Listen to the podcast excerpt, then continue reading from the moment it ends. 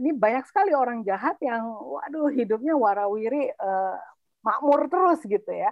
Nah ini orang ini in real life itu yang memang dia harus hilang gitu. Halo, selamat sore semuanya yang ada di Zoom kali ini. Uh, perkenalkan, uh, nama saya Muhammad Ilham Fahreza. Di sini yang akan bertugas sebagai pembuka atau MC di dalam webinar ketika fiksi membaca reformasi yang akan nantinya disampaikan oleh penceritanya Mbak Leila Hudori dan pemandunya tim content writer dari Mari Baca yaitu Ali Nur Alizen. Uh, untuk membuka kegiatan webinar ini, pertama-tama uh, saya akan membacakan uh, beberapa pihak yang mendukung penuh, yang menjadi support dari terlaksananya kegiatan ini. Pertama, didukung penuh oleh sponsor, yaitu penerbit kepustakaan populer Gramedia, lalu ada Medpart, Rumpun Sabda, Discussion Community, Lollipop, Bubuh Aksara, Taman Baca Inovator, Kincir Ulin, Komunitas Luar Ruang, Radio Buku, dan Keluarga Mahasiswa Sosiologi Visipol UGM. Uh, eh, tanpa memperpanjang waktu, uh, saya akan langsung mengalihkan ke moderator. Silakan untuk Alizen membuka dan uh, meneruskan kegiatan webinar ini. Um, terima kasih teman-teman. Selamat sore. Uh, mohon maaf ini ada sedikit gangguan karena saya masih di daerah. Uh, selamat sore Mbak Lela Kudori, Pak Ilham, dan juga teman-teman yang lain sudah bergabung di acara sore ini ketika fiksi membaca reformasi. Uh, mungkin kita bisa mulai untuk talk show kita sore hari ini gitu ya. Mulai dari beberapa um, persinggungan kita terkait negatif operasi pada uh, yang satu tahun ya.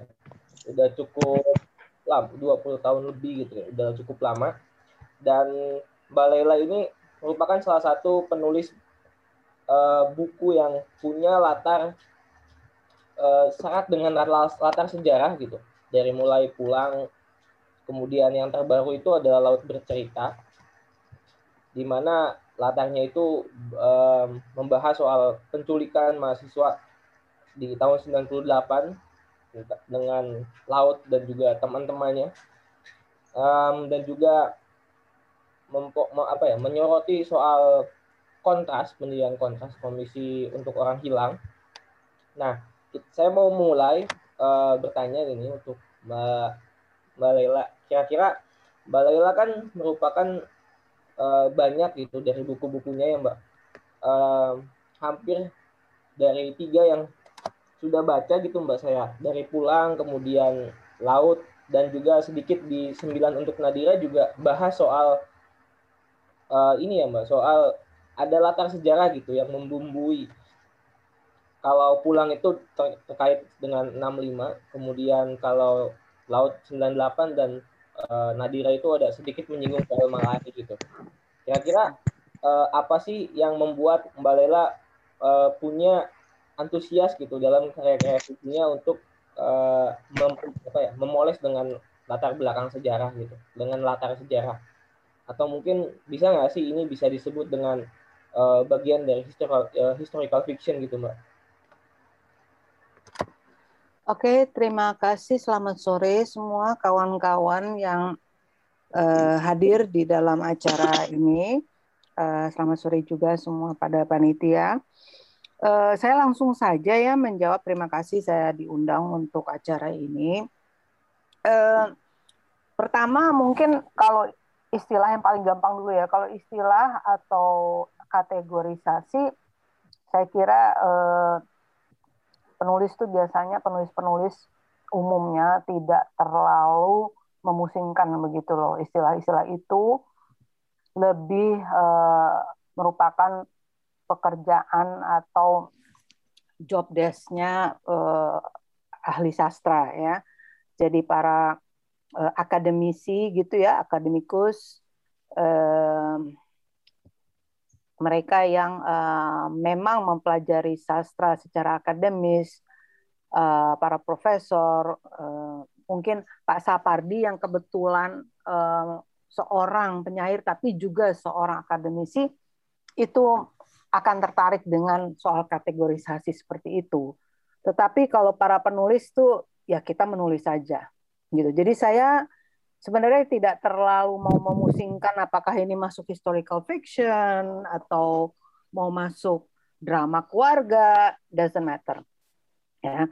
Uh, tapi untuk menjawab ini pada umumnya uh, karya-karya saya sebetulnya forte-nya ada di keluarga. Jadi uh, karena kamu tadi menyebutnya Nadira baik Nadira maupun Pulang juga laut bercerita itu semuanya forte-nya ada di atau ke, eh, apa penekanannya adalah di drama keluarga. Nah, sejarah itu eh, menjadi salah satu bagian yang penting di dalam eh, pergolakan drama keluarga tersebut, terutama untuk pulang dan laut bercerita. Karena di dalam pulang maupun di laut bercerita itu anggota keluarganya ada yang memang terlibat dalam gerakan politik. Gitu loh. Jadi eh, gerak apa politik yang sedang berkecamuk misalnya seperti di Pulang itu 65 kalau di eh, Laut Bercerita itu 98 itu mereka adalah anggota keluarga. Dan yang saya ceritakan adalah apa akibatnya apa yang terjadi di keluarga mereka ketika salah satu anggota keluarga mereka eh, mungkin ada yang diculik atau kalau dalam hal pulang uh, itu kemudian jadi berantakan keluarganya karena tidak bisa bertemu dan seterusnya tidak bisa pulang. Jadi uh, my main thing apa hal utama buat saya itu sebetulnya soal keluarga. Nah jika ada uh, para ahli sastra yang menyebutnya ini sebagai historical fiction ya silahkan gitu loh. Uh, saya saya sih oke oke aja disebut ini sebagai drama keluarga oke juga. It doesn't matter. Buat saya itu uh, label dan kategorisasi untuk mereka dan juga mungkin untuk industri buku ya ketika mereka harus meletakkan bukunya di mana di toko buku dan mereka merasa penting untuk uh, melakukan itu tapi dan juga mungkin anda karena anda mahasiswa atau uh, sudah ada yang S2, S3 mungkin merasa penting, tapi kami para penulis kami inginnya mencipta aja gitu loh ya. Hmm, kemudian saya tidak secara sadar atau tidak, saya tidak secara sengaja mengatakan, oke, okay, saya mau menulis dengan background uh, eh, 98 atau saya mau menulis dengan background 45 atau saya se, uh, menurut saya sih penulis mana pun kebanyakan begitu itu uh, usually pada awalnya itu memulainya dari ide tokoh karakter. Jadi bukan dari ide besar sejarah atau dari ide besar tema.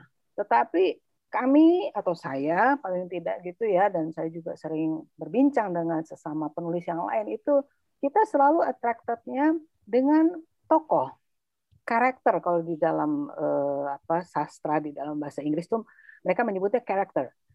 Kita menyebutnya tokoh. Jadi saya ketika uh, menulis laut bercerita bukan kemudian melihat the big picture of 98 tapi saya tertariknya karena mendengar uh, pengalaman Nezar Patria gitu loh.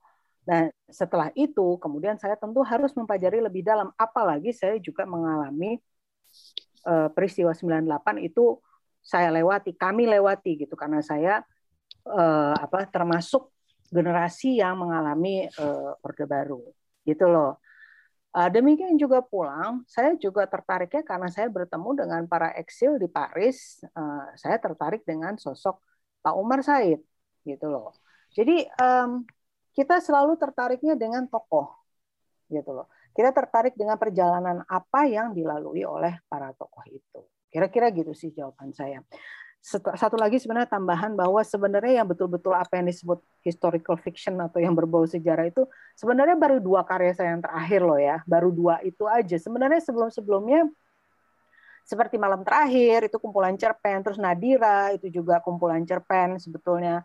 Dan apalagi yang sebelum-sebelumnya di zaman saya remaja dan anak-anak itu sebetulnya cerita-cerita yang biasa yang uh, ya lagi-lagi yang melibatkan keluarga gitu. Yang betul-betul ada kental politik dan sejarah ya baru pulang dan uh, laut bercerita. Jadi baru dua yang terakhir aja sebetulnya.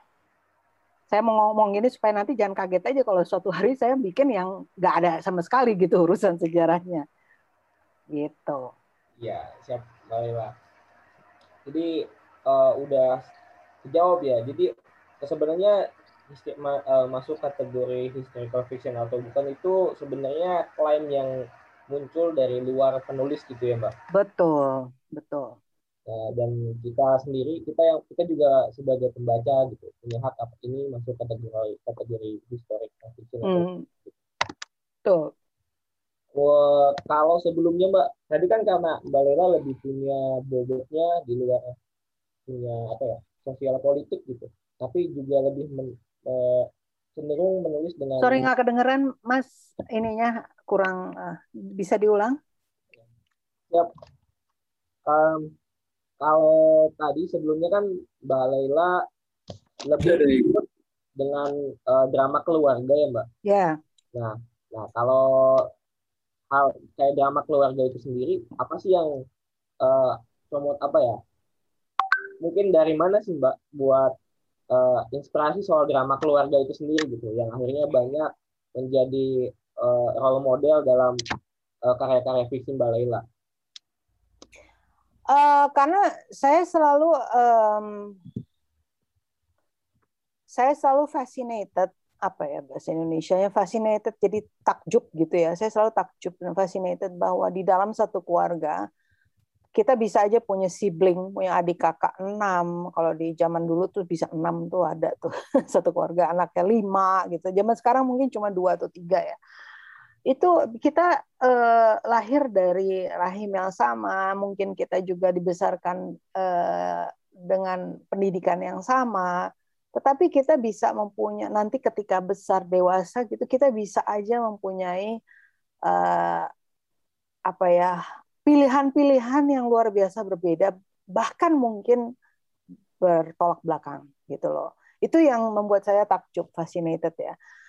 Artinya di dalam satu keluarga bisa aja tuh uh, paling gampang banget, gampang yang paling gampang sebenarnya misalnya kayak di zamannya pemilu 2014 kemarin bisa tuh dalam satu keluarga memilih calon presiden saat A, terus yang yang yang yang adiknya mungkin memilih B itu bisa bisa gitu terjadi seperti itu. Uh, padahal itu sama-sama dari keluarga yang sama, pendidikannya sama dari orang tuanya, but when it comes to politics orang bisa aja berbeda, gitu loh. Uh, jadi itu itu buat saya fascinating. Nah ini juga uh, yang yang yang menarik buat saya uh, ketika uh, menggarap pulang itu juga begitu karena bisa tuh dalam satu keluarga dan bukan saya aja yang pernah menulis gitu Pak Umar Kayam kan juga menulis begitu bahwa di dalam satu keluarga ada yang kiri, ada yang kanan, dan begitu sesuatu meledak, terus apa yang terjadi di dalam keluarga itu, gitu loh. Jadi eh, apa ya eh, hal-hal eh, yang berbeda dalam satu keluarga itu bukan cuma sekadar beda selera makanan atau selera uh, selera uh, interior rumah atau selera apa pun gitu ya. ya. Itu kan hal yang kelihatannya remeh-temeh ya.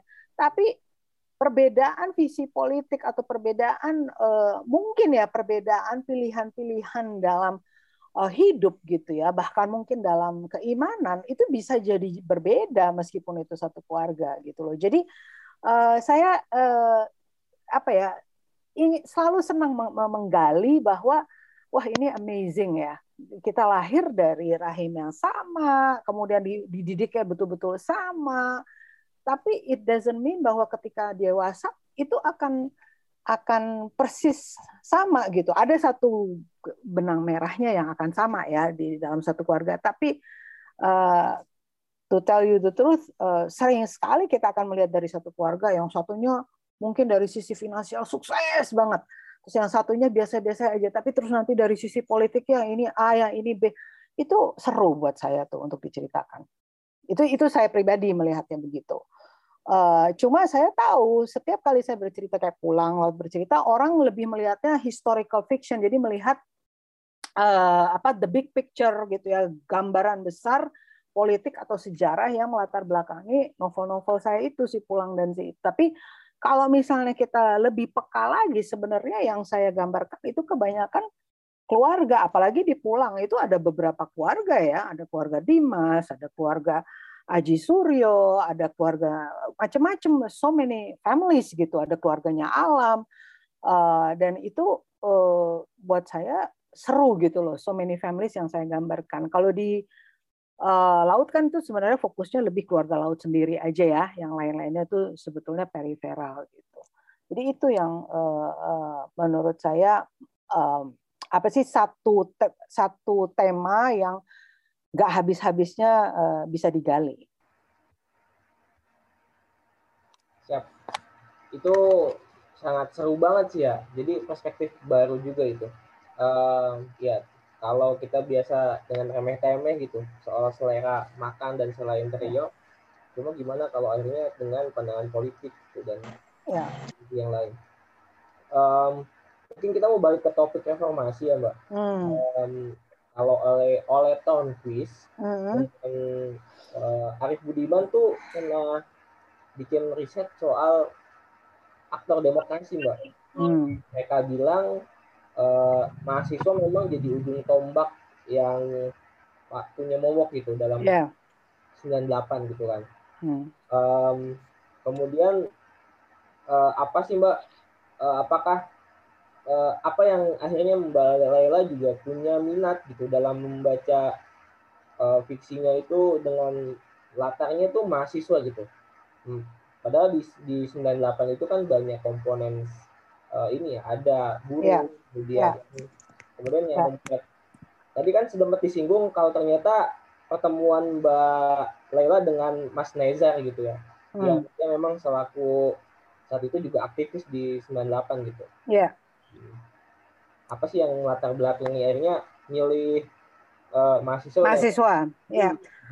Uh, iya, gini, kalau 98 itu kan sebenarnya ada banyak cerita, kita bisa mengambil berbagai angle. Dan kalau mau jujur, eh, sebenarnya banyak hal di dalam eh, kisah 98 eh, itu yang belum terungkap dengan jelas gitu. Misalnya kerusuhan itu bagaimana bisa terjadi tanggal setelah penembakan tanggal 12 Mei mahasiswa Trisakti 12 Mei kemudian terjadi kerusuhan 13 14 15.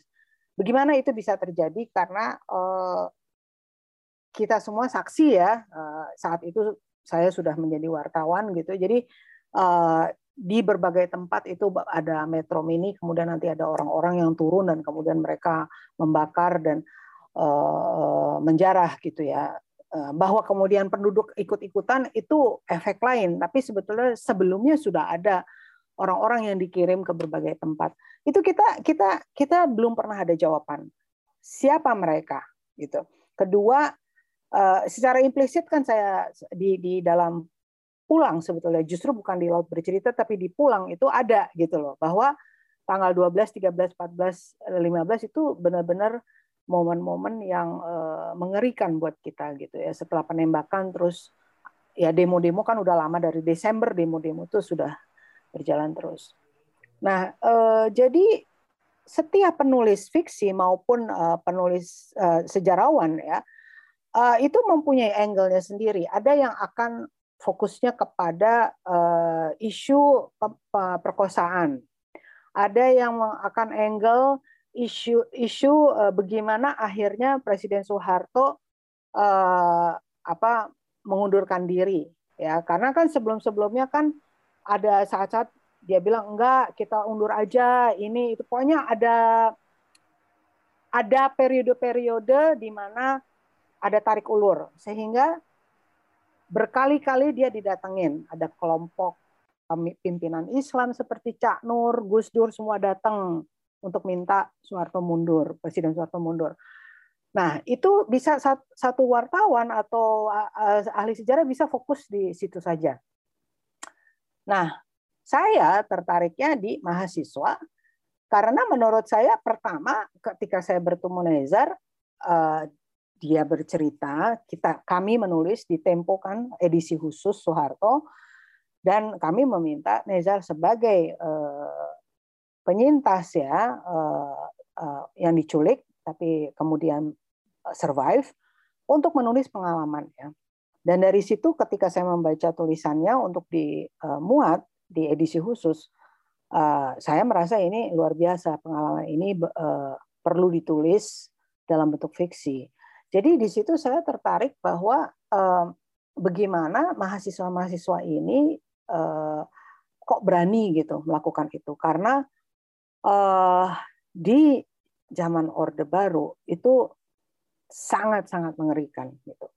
Nggak, nggak, nggak, nggak seperti sekarang meskipun memang sekarang ada ancaman-ancaman undang-undang ITE, ada ada undang ada berbagai pasal-pasal yang memang juga cukup menekan ya di zaman sekarang, tapi tetap saya tetap menganggap di zaman Orde Baru dan kawan-kawan saya juga mengalami itu mengerikan.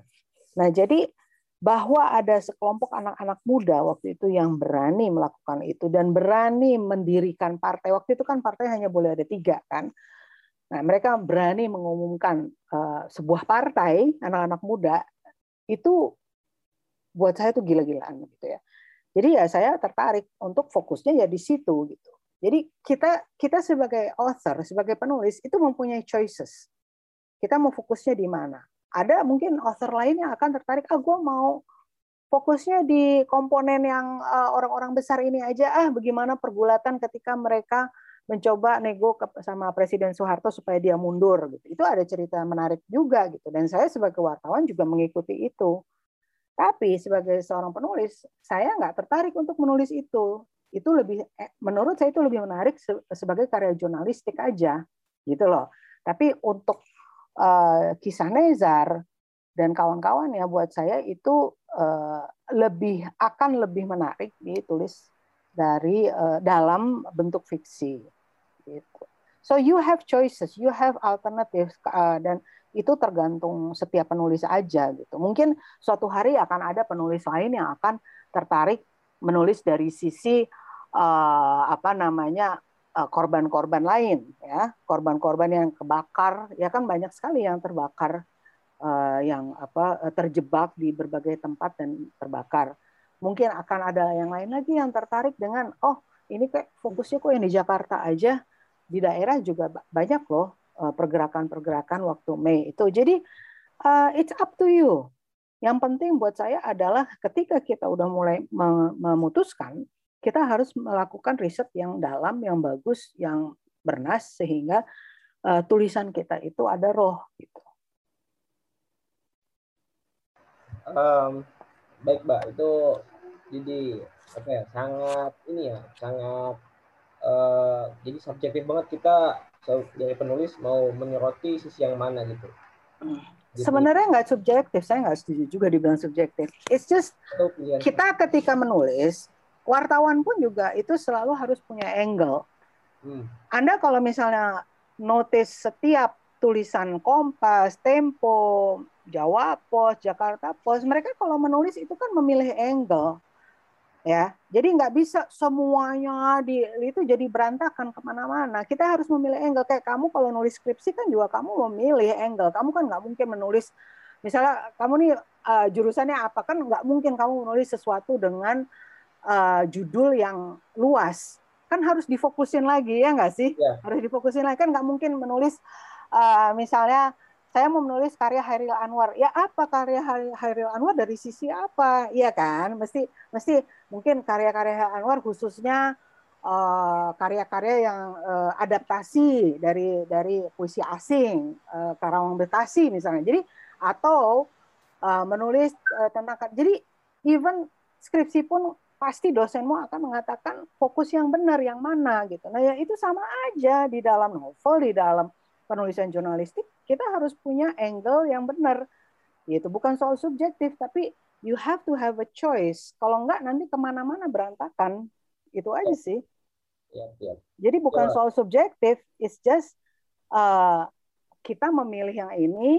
Tentu saja kita tahu bahwa tadi kan kamu udah menyinggung ya bahwa uh, apa namanya ini akhirnya kan dicapainya bukan hanya karena mahasiswa tapi ada komponen lain. Memang betul. Yeah. tapi kan tidak ada ucapan-ucapan sedikit pun di dalam novel saya maupun di dalam uh, karya-karya yang lain bahwa oh ini hanya gara-gara mahasiswa loh. Ya enggak lah mana mungkin. Pastilah itu komponen lain itu sangat penting di mana ketika mereka mendesak baik sipil maupun militer yang mendesak agar eh, apa kepala negara yang sudah 32 tahun ini untuk mundur gitu loh. Ya, tapi ini kan sekarang kita fokusnya kepada eh, korban-korban yang waktu itu diculik menjelang waktu itu bulan Maret ya. Maret udah ada penculikan gitu loh.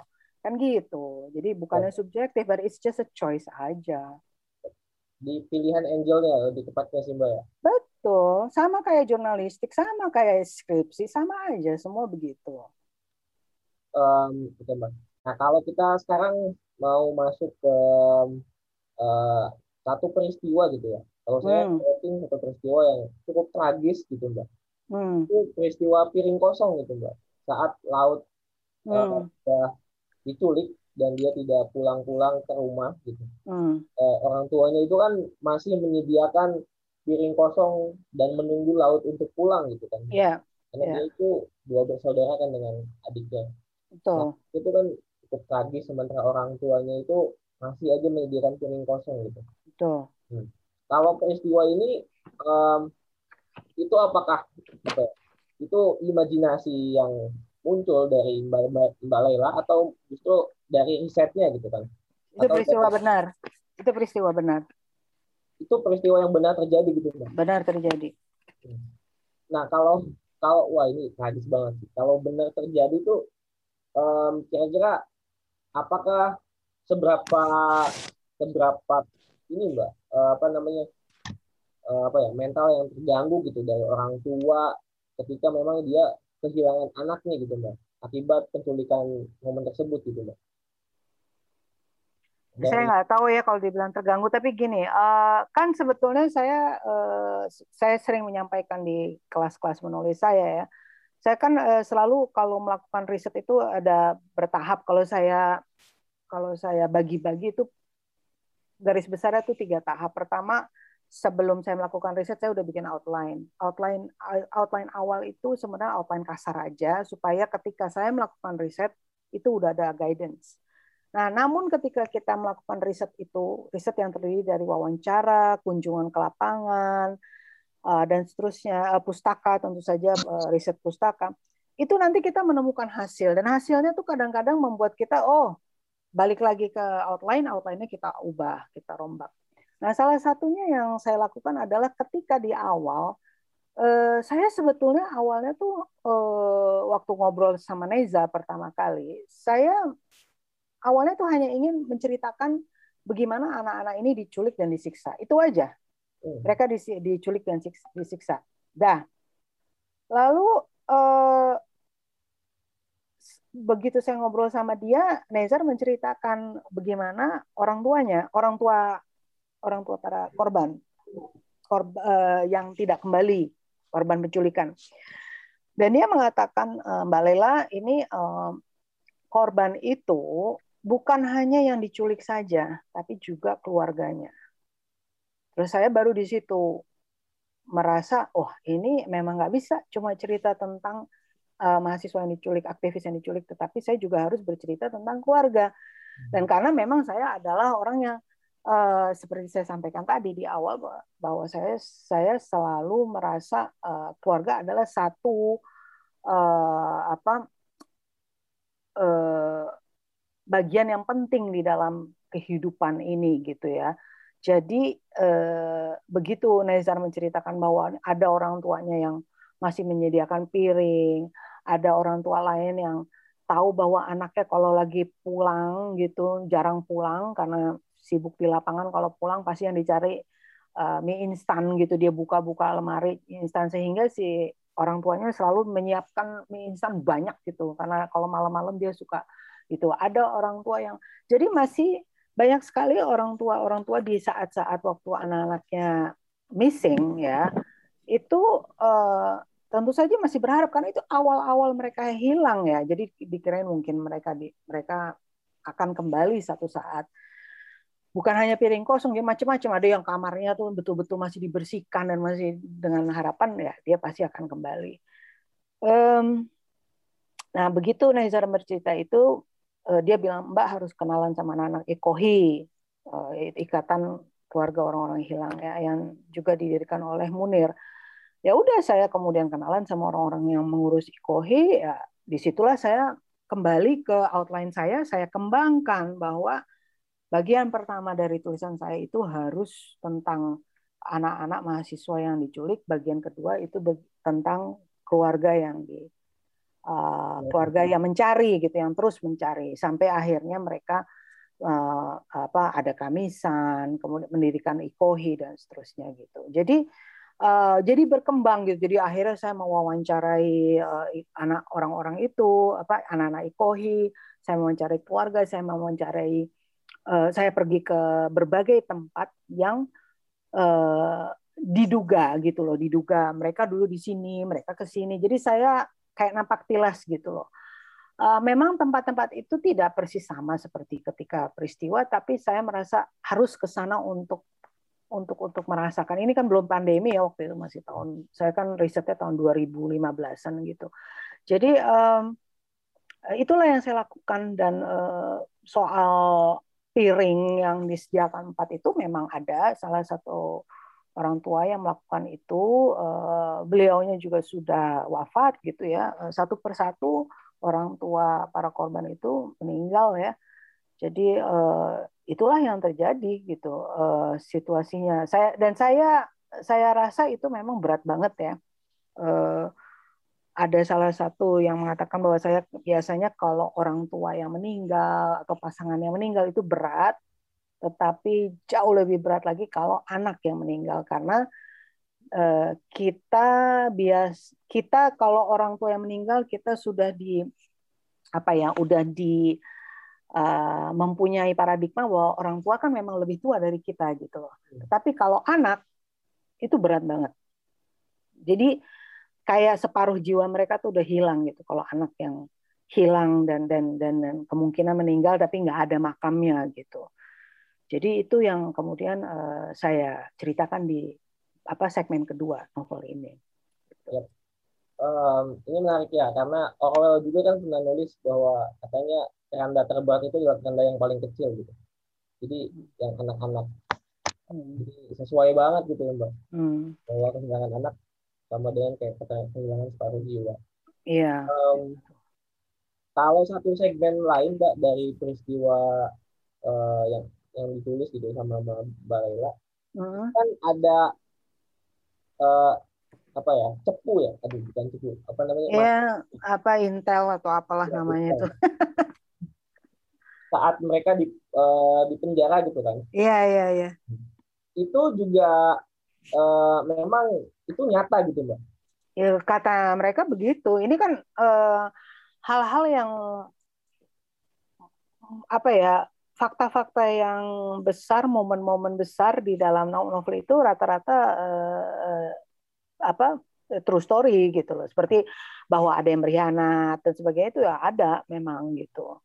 Dan saya tahu memang ada sebagian pembaca yang mengatakan kok ini nggak ada kok hilang gitu. Maksudnya kok nggak ada lanjutannya gitu ya the, the thing is ini ini saya paham nih karena pembacanya nih pembaca milenial dan generasi Z ya yang yang tidak terlalu mengalami hmm, rasanya kalau diikutin Intel kayak apa gitu di jam kalau di zaman Orde Baru kita udah biasa kalau jadi wartawan suka diikutin Intel.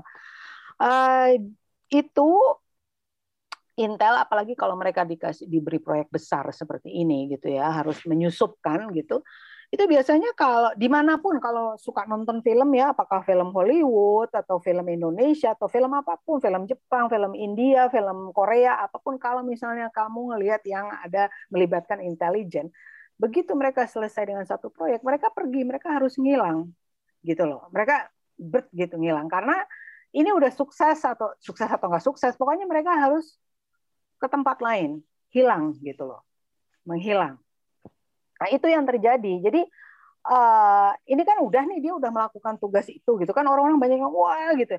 Dan kebanyakan kan nyolotnya nih pembaca karena uh, mungkin mereka kesel sama tokoh ini ya, si tokoh ya pengkhianat ini dan merasa kok saya tidak menghukum dia gitu.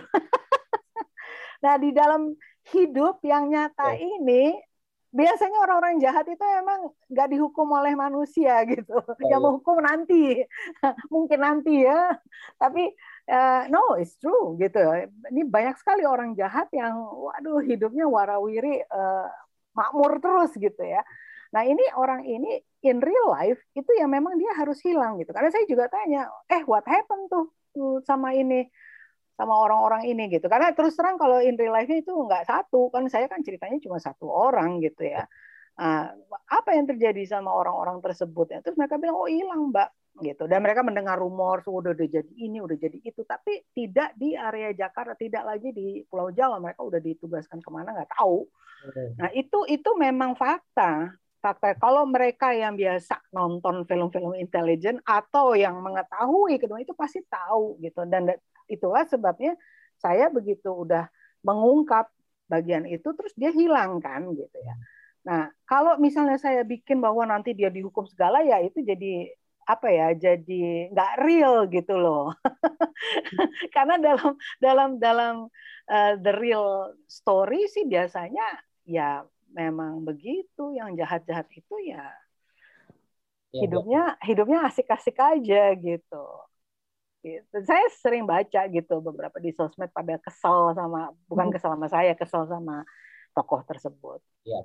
Hmm. Jika mereka tuh minta kejelasan dan pembalasan gitu. Mas masalahnya emang nggak jelas mereka ke mana. Yang jelas kan uh, apa uh, operasinya sudah selesai, ya. gitu. Apa uh, tugasnya dia sudah selesai. Gitu.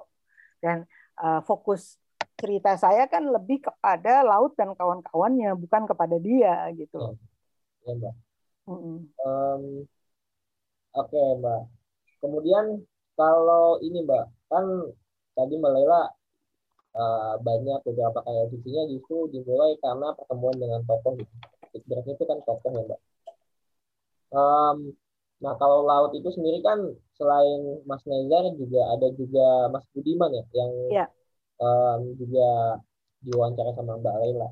Ya, banyak, bukan hanya mereka berdua, banyak ya, yang saya wawancara. Tambahnya gitu, Mbak. Nah, kalau ini, Mbak, um, dari itu gimana kalau prosesnya apakah uh, tokoh-tokoh yang ada dalam fiksinya Mbak Laila itu selalu mengikuti nggak sih Mbak dengan karakter asli yang memang uh, ada gitu? Kayak hmm. Mas Nezar di dengan dengan orang yang di apa ya disembunyikan dalam buku itu apa karakternya sama atau memang hmm. um, kita dengan bikin karakter yang baru gitu atau hmm. Hmm. Iya, uh, jadi jadi uh, sebetulnya memang beberapa kawan gitu atau beberapa pembaca gitu suka agak cocologi gitu ya dicocok-cocokin. Oh kalau Nezar itu laut, kalau Budiman itu Bram, kalau sang penyair itu Wiji Tukul gitu ya ada jadi ada yang cocok-cocokin dan saya paham aja gitu. Saya nggak pernah memberi komentar kepada yang melakukan itu gitu karena itu hak pembaca. Tapi karena kamu nanya ya saya menjawab bahwa saya tidak pernah membentuk satu karakter itu total dari seseorang secara utuh jadi eh, ketika saya menciptakan laut itu nggak seluruhnya itu Nezar itu ada berbagai berbagai tokoh itu masuk ke dalam Nezar eh ke dalam laut. Jadi ada pengalamannya uh, Waluyo Jati, Raharja Waluyo Jati, dia tuh kalau nggak salah yang paling lama di sekapnya ya, kalau nggak salah nih dia dia sampai tiga bulan gitu. Jadi ada pengalaman Waluyo Jati gitu dan dia juga yang yang bantu saya gambari menggambarkan uh, apa ruang di bawah tanahnya itu seperti apa. Kemudian ada pengalamannya Mugianto, ada pengalaman Nezar. Jadi ada pengalaman beberapa orang saya jadikan di satu sosok laut. Gitu loh. Ya, Kalau saya benar-benar hanya menggunakan Nezar itu namanya bukan fiksi lagi tapi jadi memoir. Hmm. Gitu loh. Ya, jadi we have to remember ini fiksi. Ya. Jadi uh, saya mempunyai kebebasan untuk membentuk tokoh-tokoh saya sendiri gitu. Nah, selain dari saya mencampurkan so many beberapa uh, sosok, ya saya juga menciptakan sendiri gitu. Ada elemen saya sendiri di situ. Misalnya bacaan-bacaan laut itu adalah bacaan-bacaan saya, buku-buku yang saya sukai. Ya. kemudian dia senang masak, dia suka makan, itu saya banget gitu. Bukan Nezar. Ya Nezar juga senang makan mungkin, tapi saya orang yang sangat memperhatikan the art of food gitu loh. Dan itu saya ciptakan keluarga itu adalah keluarga yang sangat uh, menyukai dan uh, menghargai the art of food gitu. Nah itu uh, sebenarnya bukan saya aja yang kayak gini. Hampir semua penulis itu akan memasukkan dirinya di semua tokoh-tokohnya, nggak saya aja. Semua kalau Anda kenal penulis-penulis lain, mereka juga begitu. Pasti akan ada elemen dirinya di setiap tokoh-tokohnya. Nah, jadi uh, saya juga memasukkan elemen saya sedikit di asmara, saya juga memasukkan elemen saya di mana-mana itu ada mencar-mencar begitu. Jadi it's not laut itu ya Nezar, Budiman ya itu enggak enggak begitu. Itu pasti ada berbagai campuran tambah imajinasi kita. Nezar adalah orang Aceh laut dari Solo, ya kan? Ya. Gitu loh. Dan uh, tentu saya mengatakan ini tetap menghargai semua informasi Nezar karena memang ketika misalnya ya pengalaman laut ditangkap tanggal 13 Maret, kemudian dia ada di rumah susun Klender, kemudian dibawa ke mana, kemudian semua pengalaman-pengalaman dia disiksa di eh, taruh di atas balok es, di eh, setrum misalnya itu semua pengalaman total pengalaman mereka ya. Jadi bukan hanya Nezar dan Nezar, uh, Mugianto, Waluyo itu semua uh, dari mereka. Tapi persoalan penciptaan dunia jagatnya itu ya saya harus menambahkan dengan imajinasi saya gitu loh. Uh, jadi nggak mau persis-persis banget gitu saya dengan dengan uh, jadi uh, apa dengan Nezarnya sendiri karena kalau misalnya mau persis sama Nezar sendiri ya harus Nezar yang menceritakan pengalaman dia sendiri dia harus menulis sendiri gitu memoirnya dia gitu. Kan beda ya ininya ya gitu. Uh, apa formatnya beda antara fiksi dengan memoir itu beda sekali gitu. Budiman saya juga uh, karena waktu itu saya tadinya kan mau menceritakan yang diculik tapi kan kemudian kan biar bagaimana akhirnya ini melebar karena uh, mereka bercerita bahwa kami ini di satu grup bla bla bla dan saya jadi harus mempelajari kayak apa sih itu kelompok PRD kayak apa sih itu uh, kenapa uh, kan mereka bilang ada circle dalam circle luar dan segala macam. Saya kan bukan aktivis jadi I have to understand. Nah mau nggak mau akhirnya saya bilang oh saya harus wawancara Budiman kalau begini. Karena sebenarnya saya kan udah kenal Budiman saya seorang wartawan kan. Saya udah kenal Budiman sebagai seorang wartawan dan saya sudah mengenal dia sejak dia 96 uh, sudah jadi aktivis yang masih kurus waktu itu yang udah membuat uh, apa uh, pengumuman berbagai uh, apa berbagai statement-statement ya waktu itu di kantor PDI ya. Jadi saya pikir oh ini gue masih wawancara dia lagi secara lebih mendalam karena I have to understand uh, bagaimana dia akhirnya uh, dengan kawan-kawannya uh, membangun uh, PRD. Jadi saya wawancara dia. Gitu. Um, baik, baik. Jadi wah seru banget itu ya. Tapi karena bangunan tokohnya ya, jadi nggak terlalu terlalu murni. Karena jadi prinsipnya nanti beda. Jadi dia membawa. Um, Oke, okay. baik Mbak. Ini mungkin jadi pertanyaan terakhir ya dari saya. Hmm. Hmm. Nah, apa sih Mbak jadi apa ya tantangan yang paling berat um, saat Mbak Laila ini uh, menulis Laut Bercerita gitu? Hmm. Tantangan ya? Tantangannya atau mungkin yang lebih momen yang paling sulit gitu Mbak? Ketika menulis ya? Ketika menulis uh, Laut Bercerita gitu Mbak? Um, mungkin uh, uh, tantangannya waktu menulisnya sih sebenarnya uh, nggak nggak begitu masalah. Lebih ketika riset ya. Saya kira uh, uh, paling sulit karena uh, saya seorang ibu dan ketika saya ngobrol sama para orang tua itu yang paling berat gitu loh. Karena uh, saya membayangkan anak saya gitu loh. Jadi mereka kan misalnya mereka mengatakan bahwa uh, anak saya itu namanya masih ada di kartu keluarga dan saya terus terang nggak tahu apa yang harus saya lakukan, apa yang kami harus lakukan gitu loh. Karena kalau misalnya meninggal itu kan pasti ada surat meninggal gitu ya. Ini kan nggak jelas. Ini hidup kalau hidup ada di mana anak saya gitu. Jadi hal-hal yang kelihatannya kecil-kecil administratif tapi sebetulnya sangat menggerogot jiwa gitu. Ya kemudian yang tadi saya udah ceritakan kan Anda juga udah tahu yang soal masih menunggu, masih menanti gitu.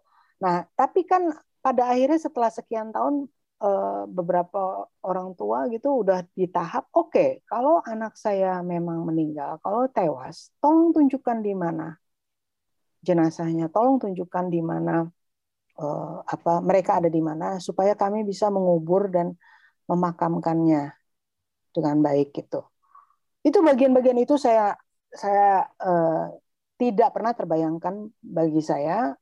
Uh, dan karena saya juga seorang ibu ya saya sulit sekali uh, apa namanya membayangkan kalau itu terjadi sama saya gitu. Kita kan keseharian ya kalau misalnya anak sakit aja kita udah susah hati ya kan? Apalagi seperti ini saya udah nggak bisa membayangkan. Nah itu uh, proses yang luar biasa sulit uh, dan dekat sama saya karena 98 artinya saya menyaksikan peristiwa 98 kalau 65 itu jauh karena di saat itu saya baru lahir gitu loh. Jadi itu benar-benar saya banyak uh, riset pustaka dan wawancara.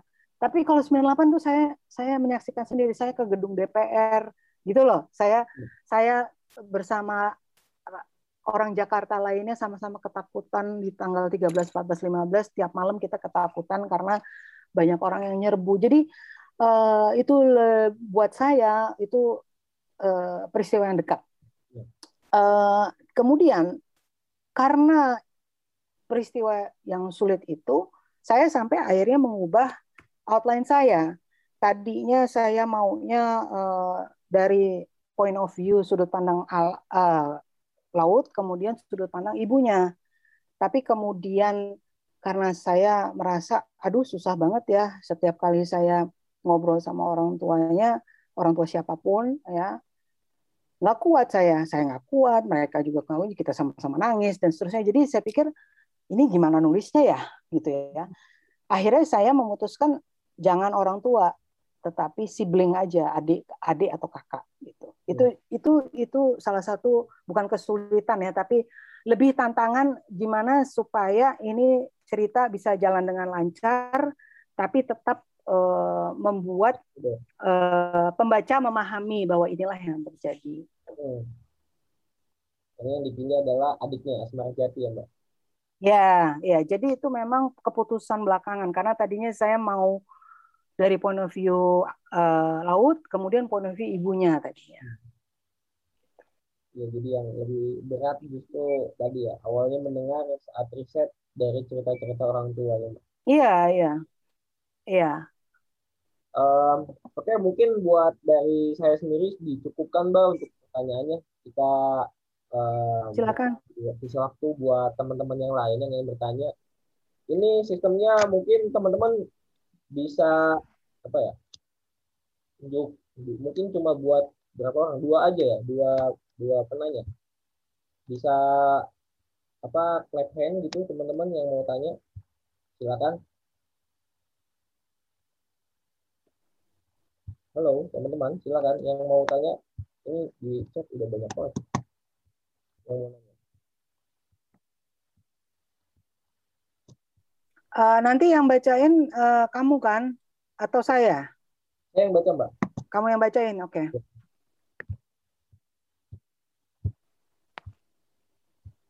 Okay, karena ini sepertinya tidak ada yang langsung ini ya, langsung mau show up, kita bisa pilih pertanyaannya dari room chat aja ya. Iya.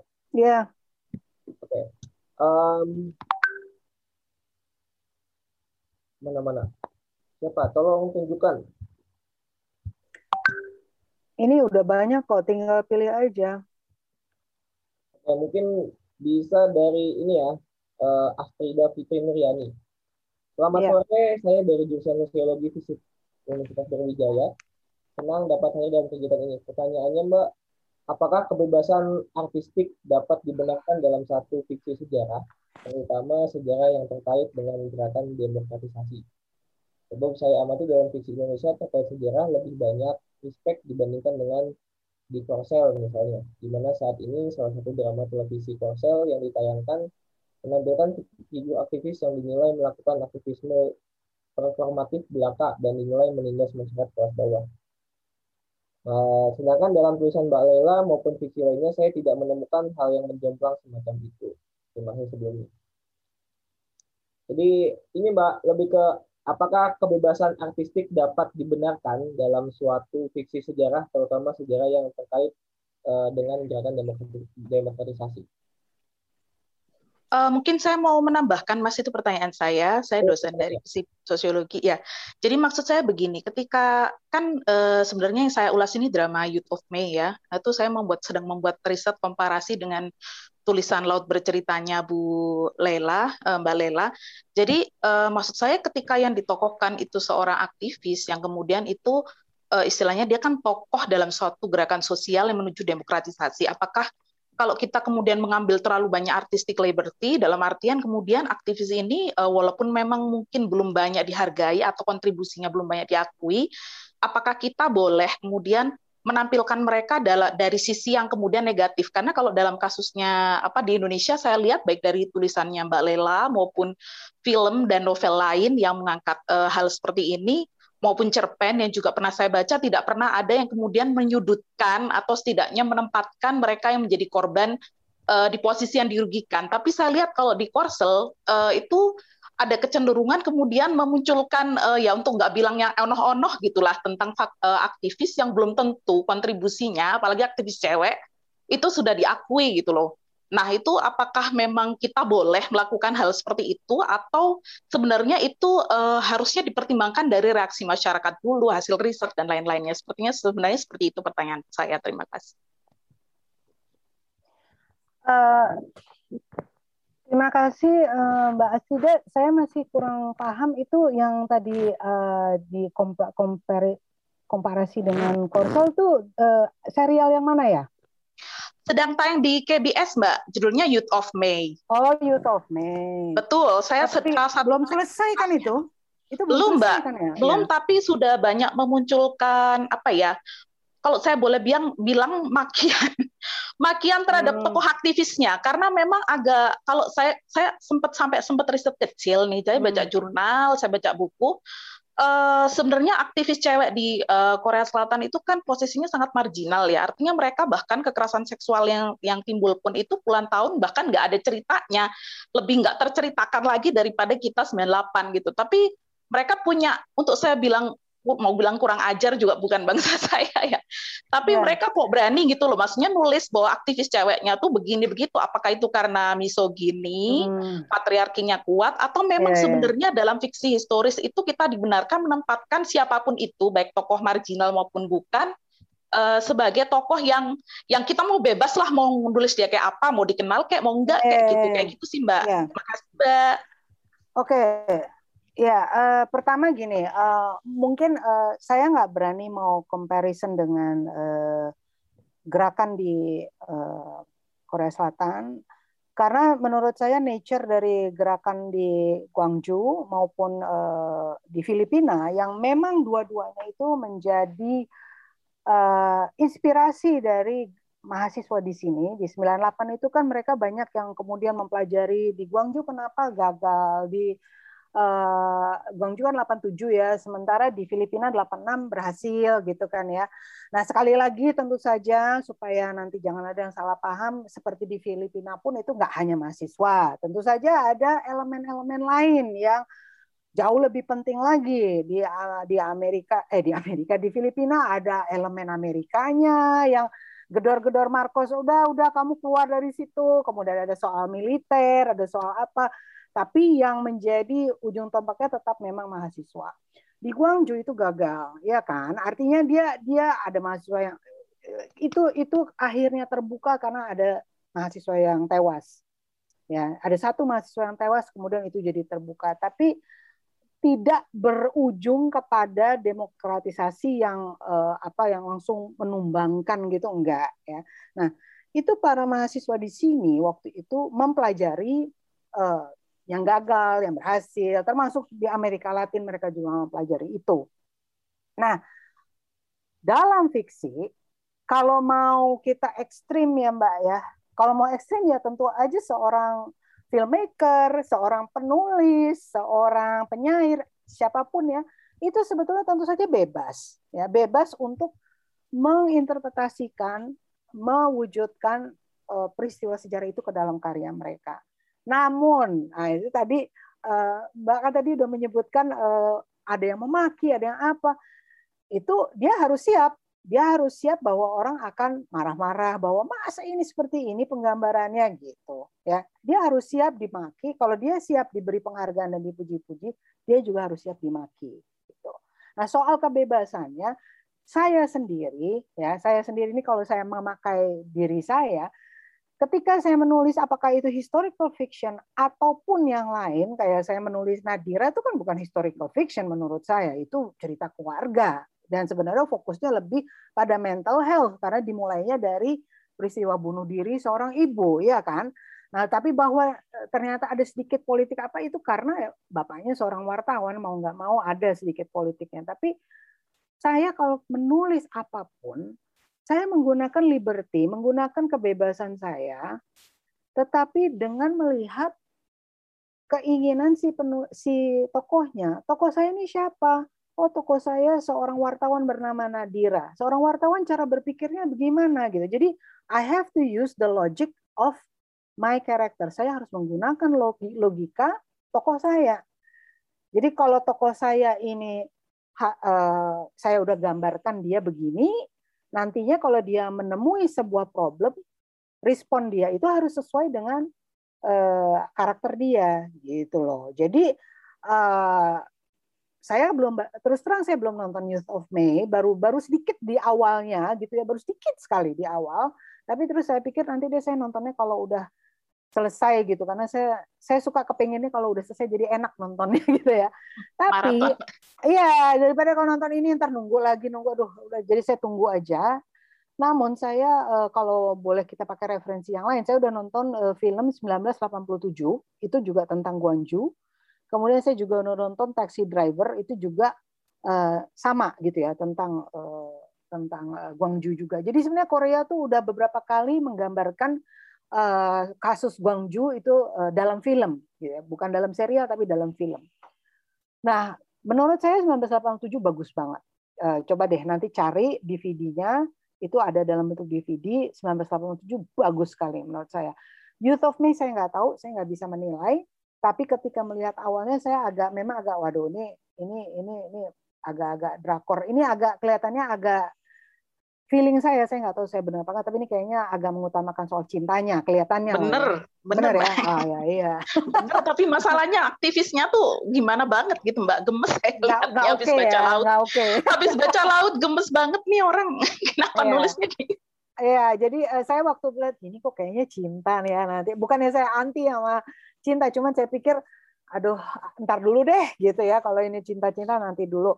Nah, Uh, tapi kalau mau uh, analogi yang bagus, yang di mana uh, kalaupun liberty penulisnya di uh, filmmakernya dipakai, dia memakainya dengan penuh tanggung jawab dan believable. Itu 1987 mbak, itu bagus banget. Jadi judulnya benar-benar tahun 1987 itu bagus sekali. Ya, so again, menurut saya kita sebagai seorang penulis atau filmmaker atau apa pun harus punya tanggung jawab dan kesetiaan terhadap tokohnya gitu loh. Kalau tokohnya tadinya kita bikin A terus mendadak dia melakukan sesuatu yang di luar karakter, nah itu yang akan menjadi aneh gitu loh. Nah saya benar-benar nggak bisa uh, komentar nih YouTube. Nanti kalau misalnya udah nonton saya akan akan susulin deh komentar saya. Terima kasih Mbak. Sama-sama. Terima kasih moderator. Mbak, sama-sama. Terima kasih untuk pertanyaan. Um, selanjutnya ini ada uh, penanya dari Mas Kris Wibisana ya. Mas Kris mungkin bisa unjuk suara. Oke, okay. sudah terdengarkah? Sudah. Ya, terdengar. Silakan Mas Kris. Oke, okay, ya terima kasih Mas Alizen dan Bu Leila. Uh, pertanyaan saya mungkin agak panjang, tapi ini terkait dengan berbagai penjelasan yang tadi sudah kita dengarkan bersama-sama mungkin kita semua atau rekan-rekan terutama yang mendalami sastra mungkin sudah familiar dengan ungkapan Senogumira Aji Dharma ini ya. Ketika jurnalisme dibungkam, sastra harus bicara. Eh, saya menginginkan pendapat Bu Leila, apakah konteks dari Laut Bercerita ini sebagai fiksi sejarah tadi khususnya bukan sebagai drama keluarga, apakah ini juga Laut Bercerita ini lahir dari narasi jurnalisme kita yang cenderung ingin mengubur ini dengan isu-isu katakanlah hanya sekadar penuntutannya saja atau sekadar rekonsiliasinya saja. Sedangkan inti dari penculikannya ini tidak dikisahkan bagaimana perasaan korban ketika itu dan sebagainya. Itu yang pertama. Yang kedua sejauh mana menurut Bu Leila bahwa Laut Bercerita sebagai karya sastra itu bisa menjadi satu kontribusi bagi kerja-kerja advokasi HAM di Indonesia karena belakangan ini cukup banyak, terutama dari kontras juga saya ikut bergabung, itu pembuatan karya sastra kumpulan cerpen yang ingin diluncurkan pada pekan penghilangan paksa 26 Mei besok itu. Nah, bagaimana posisi Laut Bercerita ini sebagai karya sastra yang mengadvokasi kerja-kerja HAM? Terima kasih. Oke, uh, terima kasih Pak Kris Wibisana. Kalau saya boleh tahu, uh, apakah dari mana Pak Kris? Apakah saya penulis lepas, saya oh. bergabung di apa proyek lah, proyek penulisan buku cerpen kontras begitu. Terima kasih. Oh, oke. Okay. Ya, uh, jadi kalau yang nomor dua lebih gampang. Uh, sebetulnya kan saya waktu menulis ini tentu saya uh, lakukan sebagai proyek pribadi, jadi tidak tidak menjadi satu proyek yang dipesan atau diminta atau mengikuti lomba enggak. Memang betul-betul pribadi semua tulisan saya begitu. Namun ketika jadi selesai eh, sebenarnya sebelum selesai ya waktu masih eh, draft saya kan biasanya suka kirim ke teman-teman saya teman-teman dekat saya. Eh, dan teman-teman dekat saya itu banyak orang film kan. Nah jadi selain editor saya, teman-teman ada beberapa teman dekat yang penulis, penulis-penulis juga, dan kemudian orang film. Salah satu teman dekat saya yang film bilang, aduh mbak ini harus nanti peluncurannya jangan reading-reading aja. Dia kan biasanya kita bikin theatrical reading gitu kan. Uh, waktu pulang tuh seperti itu di panggung kita reading. Kita bikin film pendek yuk. Terus saya, aduh itu kan mahal nanti begini gitu. Udah mbak Lela nggak usah pusingin uh, itunya, kita bikinin jadi uh, dan lagi pula saya waktu itu lagi udah diundang ke Australia ke mana ke mana saya bilang aduh gue nggak ada waktu untuk untuk produksi gue pusing nanti. Terus dia bilang nggak nggak Mbak Lela pergi aja ke Australia ke Ubud ke mana terserah. Mbak Lela pokoknya bikinin aja uh, skripnya apa skenario nya uh, tapi ini semua akan menjadi proyek pro bono. Oke okay. pulang-pulang saya udah dikasih tahu uh, ini nanti yang terlibat Reza Rahadian Dian Sastra dan sebagainya pokoknya saya nggak usah pusing bahkan sampai peralatan pun itu uh, secara profesional uh, kita mendapat pinjaman gratis dari uh, orang yang betul-betul sangat concern dengan 98. Dia sampai bilang Mbak kalau nanti bikin jadi film layar lebar pun silahkan pakai, nggak usah bayar, nggak usah nyewa. Jadi saya sampai oh oke. Okay. Padahal tuh naskah itu belum jadi buku masih baru dicetak. Jadi mereka tuh baru baca naskah uh, mentahnya waktu itu. Nah, ketika akhirnya diluncurkan di uh, eh, 2017 di IFI uh, eh, itu ditonton kami mengundang semua bukan hanya kontras ikohi semua amnesti saya saya sendiri kan uh, board saya kan board di amnesti uh, amnesti Indonesia kan jadi saya mengundang semua aktivis hak asasi manusia dan juga kawan-kawan wartawan dan juga kawan-kawan orang film. Itu kita meluncurkan buku dan sekaligus film pendeknya. Nah setelah itu Pak Kris, itu akhirnya saya diundang, bukan saya aja tapi filmnya, diundang untuk diputar di mana-mana dan bukan sekedar sastranya saja tapi juga sebagai diskusi HAM. Dan eh, tahun 2018-nya itu saya, kami, saya Amnesty juga dengan Kontras melakukan eh, apa ya eh, book tour ya saya diundang ke Unair ya. Pertama Bandung seperti biasa Bandung Unpad habis itu Jogja terus Jawa Timur Unair. Uh, untuk membahas uh, novel ini dan juga kami uh, didampingi oleh berbagai keluarga korban uh, juga bahkan uh, sama Mbak Suci ya Mbak Suci Munir uh, untuk membicarakan ini. Jadi sebenarnya keterlibatan kontras dan ikohi dan amnesty itu sudah dari awal. Maksudnya awal buku ini terbit. Ketika buku ini terbit, orang baca, terus orang memberi komentar dan orang juga nonton filmnya, kemudian akhirnya oke okay, yuk kita bikin sesuatu gitu. Jadi uh, saya kan nggak bisa mengklaim wah ini udah berhasil itu itu harus ditanya sama orang-orang yang nonton dan uh, ikut diskusi ini pak. Gitu apa uh, apa kontribusinya? Karena buku ini terbitnya 2017 dan sampai sekarang saya masih aja terus-terusan diundang untuk bicara soal buku ini ya, soal laut bercerita. Ini kan 2021 ya jadi udah empat tahun itu masih aja. Setiap bulan bukan hanya setiap bulan Mei hampir dalam setahun itu bisa berapa kali gitu. Nah eh, saya berharap sih kalau saya melihat dari apa ya respon eh, anak-anak muda yang generasi milenial yang generasi apa sih yang baru lagi Z itu kebanyakan sih mereka mengatakan bahwa mereka jadi belajar. Karena mereka benar-benar lahir setelah 98 dan mereka baru tahu bahwa oh kayak begini gitu. Jadi paling tidak membaca dari respon mereka aja saya merasa oh oke, okay.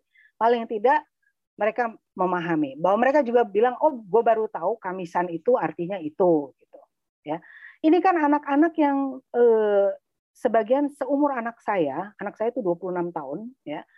Atau bahkan yang lebih muda dari anak saya, anak-anak yang usianya 20 tahunan. Gitu loh yang yang benar-benar nggak ngerti nggak paham gitu loh idiom-idiom orde baru gitu tuh nggak ngerti gitu benar-benar orde baru itu sesuatu di masa lalu udah gitu. nah eh, jadi itu jawaban saya untuk nom, eh, pertanyaan nomor dua ya sejauh mana eh, apa sebuah buku paling tidak saya bisa ceritanya tentang laut bercerita eh, saya yakin buku-buku lainnya juga demikian bukunya eh, SGA ya yang tentang Clara itu yang dibikin opera itu kan juga luar biasa. Uh, saya harap kumpulan cerpen yang Anda sedang uh, eksekusi yang akan uh, meluncur katanya tadi itu uh, pasti akan bagus sekali ya. Uh, jadi saya rasa itu berperan sekali karena anak-anak muda itu biasanya akan lebih istilah mereka relate. Ini relate relate nggak gitu? Kalau nggak relate mereka nggak mau gitu ya. Anak muda sekarang tuh merasa harus relate dengan ceritanya. Eh, kemudian nomor satu soal eh, ungkapannya SGA, sebenarnya kalau yang Pak Kris tahu kan setelah 98 eh, media sudah bebas, nggak seperti waktu zaman saya dulu di Tempo sebelum kita di Bredel, kami kan dulu kan di Bredel ya 94, kan sebelumnya itu kan kami kalau menulis harus harus serem-sereman gitu. Ntar sekali-sekali kita coel itu apa pemerintah, nanti habis itu kita dipanggil, kita ditelepon, kita didatengin dan sebagainya. Kan kalau dulu serem banget, ada yang namanya departemen penerangan, ya kan. Sekarang kan lebih bebas dan bahkan ada sosmed dan orang bisa menghina-hina kan kalau melalui sosmed tuh ya. Nah, eh, jadi sebenarnya apa yang disampaikan oleh SGA bahwa jika jurnalisme apa tadi dibungkam eh, sastra bicara Uh, menurut saya sih sekarang sih jurnalisme tuh udah udah lama nggak dibungkam.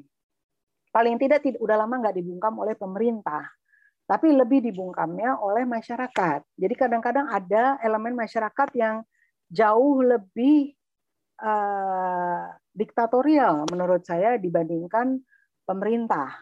Ya, itu saya harus terus terang.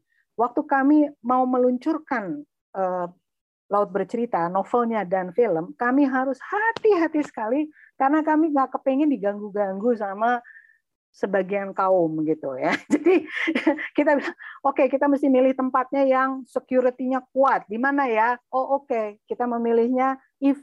IV itu kan nempel sama kedutaan Prancis. Dan di situ ada kalau orang masuk harus kasih KTP dan harus melalui detail apa metal detector. Jadi nggak gampang orang akan ngegerbek dan suruh kita berhenti. Karena sebelum-sebelumnya banyak apa pemutaran film dan sebagainya yang disuruh berhenti. Jadinya kami betul-betul memilih tempat yang aman, yang tidak ada aneh-aneh.